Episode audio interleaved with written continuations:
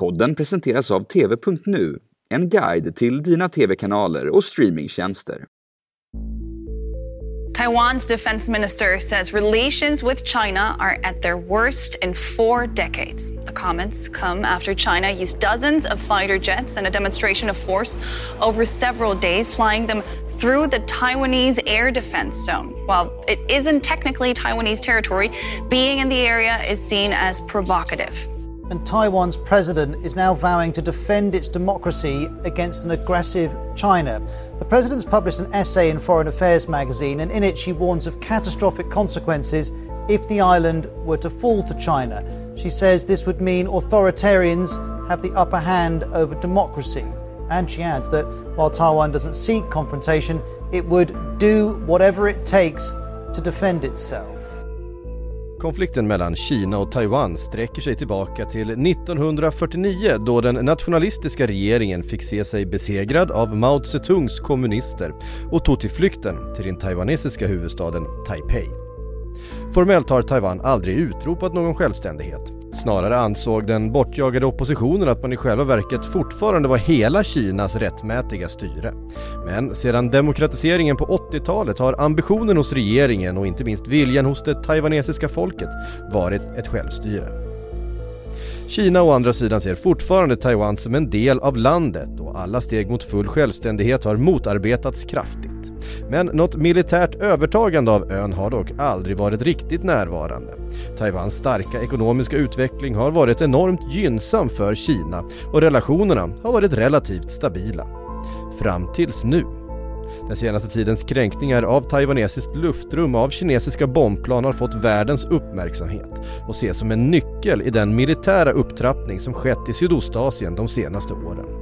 Taiwans president Tsai Ing-wen har varit tydlig med att de kommer göra allt för att försvara sin demokrati och USAs president Joe Biden har i sin tur lovat att Taiwan står under amerikanskt beskydd mitt namn är Patrik Syk och med mig för att prata om den senaste tidens händelser och det nya kalla krig som många bedömare menar har uppstått mellan Kina och USA finns Aftonbladets utrikeskommentator Wolfgang Hansson.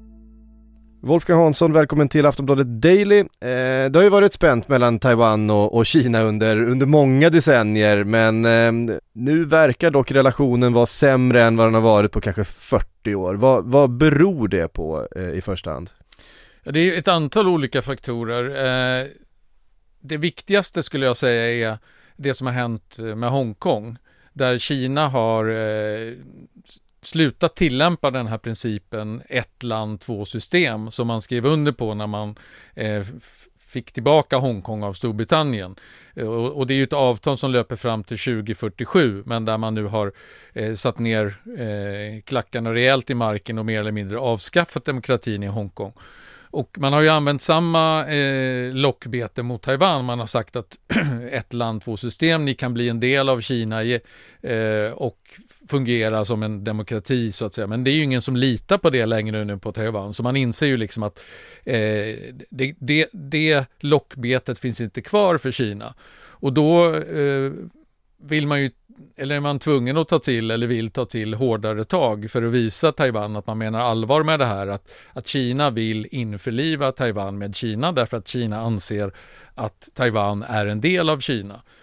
Och det har vi ju sett de senaste dagarna här nu hur Kina har skickat eh, bombplan och stridsflygplan in över, eh, inte nationellt luftrum i Taiwan, utan det här flyg eh, Eh, över militära flygzonen som Taiwan har, där man vill att plan ska tala om när de flyger in eh, i förväg så att säga, be om någon slags tillstånd. Och det har inte Kina gjort och man har flugit in rekordmånga plan nu under de eh, senaste veckan. Jag tror det är över 150 plan som har flugit in. Eh, och det är ju väldigt mycket mer än vad det brukar vara. Kineserna håller på med det här som en slags trakassering av Taiwan ständigt, men, men nu har det varit otroligt många sådana här. Och dessutom har en del av de här bombplanen har då kapaciteten att ha med sig kärnvapen, vilket ju är ytterligare ett sätt att, att öka pressen på Taiwan och visa att vi kan ta er när vi vill. Så liksom beware, vi, vi kommer att göra det, det är bara en tidsfråga. Det, det är liksom en, en styrkedemonstration mot, mot Taiwan. Mm. Eh, samtidigt har ju då Taiwans president gått ut och sagt att vi kommer försvara det här, vi kommer försvara vår demokrati.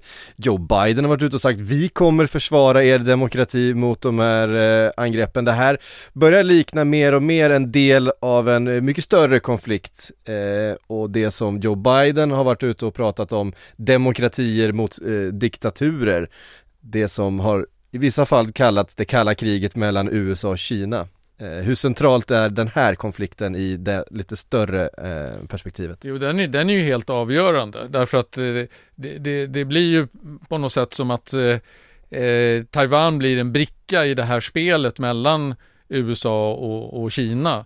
Där ju USA är, är den regerande supermakten ogärna vill lämna ifrån sig den positionen samtidigt som man inte längre är riktigt beredd att ta de kostnader som följer med att vara världens polis så att säga och världens supermakt. Medan Kina då är, en, är i stigande och, och, och liksom har ju till och med eh, uttalat att man vill bli en ny supermakt och att 2035 så ska man ha nått eh, det målet att man ska vara på jämbördig nivå med USA. Eh, och det innebär ju en, en, en konflikt eftersom de här samtidigt representerar två helt olika system. Där USA har den här liberala världsordningen eh, som man har byggt upp eh, tillsammans med Västeuropa, Australien och andra länder. Eh, medan Kina då står för en helt annan ideologi som, som man också försöker exportera till världen, där, där staten eh, kontrollerar allt. Men att man då visar, titta här nu hur bra vi har lyckats med coronapandemibekämpningen. Alla andra har, har misslyckats, men, men eh, särskilt västvärlden och vi i Kina lyckades eh, få bukt med viruset därför att tack vare att staten liksom kunde bestämma och ingripa och så vidare. Och det är ju den här motsättningen som då finns eh, som Biden har uttryckt just på det sättet som du sa, en, en, mellan, mellan demokrati och auktoritära stater. Mm. Det är ganska få länder som har erkänt Taiwan. Eh, det är ju, de anser sig själva vara en självständig stat men är på något sätt en del av Kina fortfarande. Vad, vad kan det få för betydelse att det är så få länder som har erkänt Taiwan som en självständig stat? Ja, skälet till att det är så, det är ju för att alla andra länder är rädda för att dra på sig Kinas vrede genom att erkänna Taiwan. Det fanns ju en tid då Taiwan också var en diktatur och det fanns liksom ingen, ingen vilja att, att, att hjälpa dem. Men nu, nu räknas ju Taiwan faktiskt som kanske Asiens främsta demokrati. Och det är ju många länder som skulle vilja erkänna Taiwan som en självständig stat. Taiwan har ju inte ens utropat sig själv till en självständig stat av hänsyn till Kina för att man är rädd att det skulle då kunna trigga ett angrepp. Och, och av, av, samma skäl så avstår många länder i världen från att erkänna Taiwan därför att man är rädd om sina handelsförbindelser med Kina. För att eh, de som, så att säga, vi har ju ett exempel nu med Litauen som ju har, eh, eh vill öppna ett eh, kontor i, i, i Taiwan, en, en, typ diplomatisk beskickning. Och de, eh, där har ju Kina varit stenhårda och, och eh, fördömt det, man har eh, infört en massa sanktioner mot Litauen och så vidare. Och, och, och det, så gör ju Kina varje gång, minsta lilla, man tvingar ju eh, flygbolag från att, så att säga, man får inte, man får inte kalla det Taiwan utan det ska heta eh, Taipei. Man får inte eh, i OS så får inte Taiwan tävla under sin egen flagga och så vidare. Och Taiwan får inte vara med i internationella organisationer och som eget land. Och, och det här är ju liksom en del i Kinas politik att eh, Taiwan är inte ett självständigt land, Taiwan är en del av Kina. Trots att det aldrig är så att, att eh, det kommunistiskt styrda Kina har någonsin styrt Taiwan så att Nej. säga. Eh, men det är ju själva grunden i de kinesiska anspråken på att det här är vårt territorium. Och det för Kina är det ju viktigt därför att har de Taiwan, då har de ju en längre gräns längre ut i havet där det finns olja och gas och man kontrollerar då ett större område. Så att det finns många strategiska eh, skäl till varför Kina väldigt gärna vill, vill eh, ta Taiwan. Och vi ska prata mer med Wolfgang Hansson om situationen i Sydostasien om en liten stund. Men först några ord från vår sponsor. Filmkvällen du sett fram emot ska precis börja, men du kan inte minnas vad du skrev ner din kompis filmtips. När du äntligen hittat en annan film att se visar sig IMDB-betyget bara vara 3,7 och allt börjar om igen. Önskar du inte att någon hade berättat för dig att TV.nu finns, Sveriges största TV och streamingguide? Där du med en hjärtmarkering samlar alla tips på samma watchlist och där sökningar skräddarsys på bara dina valda streamingtjänster. Alltid serverat med IMDB-betyg, även från tjänster som inte själva visar det. Prova TV.nu idag och upptäck fler smarta features för en garanterat lyckad streamingkväll. Då är vi tillbaka och vi fortsätter intervjun med Wolfgang Hansson om situationen i Taiwan och spänningarna mellan Kina och USA. Det har ju kallats ett nytt kallt krig det här och för att bara ta en kall krigreferens riskerar Taiwan att bli ett slags Kuba eh, i det här kalla kriget. Ja, på så sätt att man så att säga blir den här brickan som, som stormakterna bråkar om. Eh, jag menar, i Kuba så var det, då var det eh, ryssarna som satte upp sina kärnvapenramper där och, och därmed gjorde Kuba till eh, en bricka i stormaktsspelet. Och här är det ju eh, Kina som med sin aggressiva inställning till eh, Taiwan på något sätt tvingar USA att, att ta ställning. Ska man försvara Taiwan med militära medel eller ska man det inte? Eh, och, och där fungerar ju den där referensen väldigt bra. Mm. Eh, Kina har ju rustat enormt mycket de senaste åren. Deras eh, militära flotta sägs nu vara den allra största i världen. Eh, vi har sett också att som du var inne på, USA har vänt sig bort från Mellanöstern väldigt mycket. Man har lämnat Afghanistan, man har lämnat stora delar utav Irak och Syrien och vänt sina blickar väldigt mycket mot Sydostasien. Hur allvarlig är den här upptrappningen, den militära liksom kapprustningen i den här regionen? Ja, alltså Kina är, rustar ju väldigt kraftigt och samtidigt ska man komma ihåg att de fortfarande så att säga har en bra bit kvar för att nå eh, USAs globala styrka. USA kan ju slå till var som helst i världen och det kan inte Kina på samma sätt i dagens läge, även om de håller på att bygga upp en sådan kapacitet. Man har ju nu byggt flera hangarfartyg till exempel som man inte hade eh, tidigare.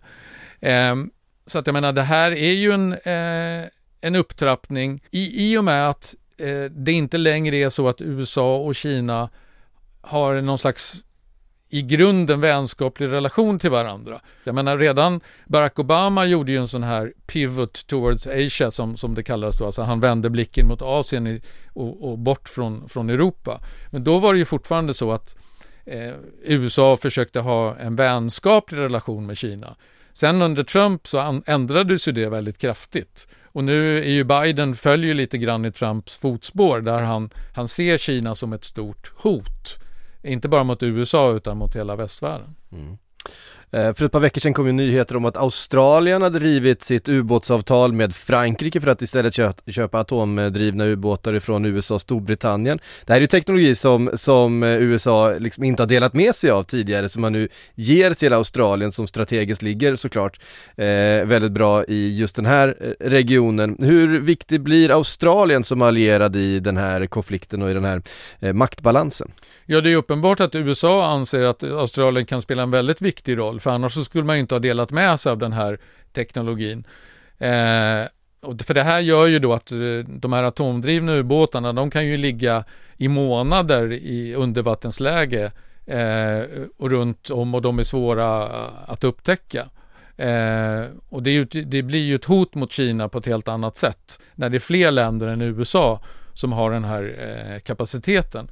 Och det är väl här man kan se ett litet skifte i, i USAs strategi, att man försöker, man inser att eh, man inte själv längre eh, kan ta på sig hela rollen att, att liksom eh, bära eh, västvärldens så att säga kamp för att hålla Kina på mattan utan man vill ha hjälp av andra länder. Och den här försvarsalliansen med, mellan Australien, USA och Storbritannien är ju en sån Eh, Eh, och en annan är ju den här som kallas The Quad som är Australien, Indien, eh, Japan och USA. Eh, som in, in, inte främst militärt då, men på an, andra sätt samarbetar liksom för att samordna sina, eh, sin politik gentemot Kina för att liksom eh, motverka att Kina ska ta eh, steg som hotar omvärlden. Eh, och det är tydligt att USA liksom vill ha hjälp från andra länder och inser att det är kanske ett bättre sätt att, att hålla Kina på mattan än att, än att bara själv sköta hela rulliansen. Intervjuade i avsnittet hörde vi Aftonbladets utrikeskommentator Wolfgang Hansson. Och jag som gjorde det här avsnittet heter Patrik Syk och det här det är Aftonbladet Daily som är tillbaka med nya nyhetsfördjupningar på måndag igen. Trevlig helg! Du har lyssnat på en podcast från Aftonbladet. Ansvarig utgivare är Lena K Samuelsson.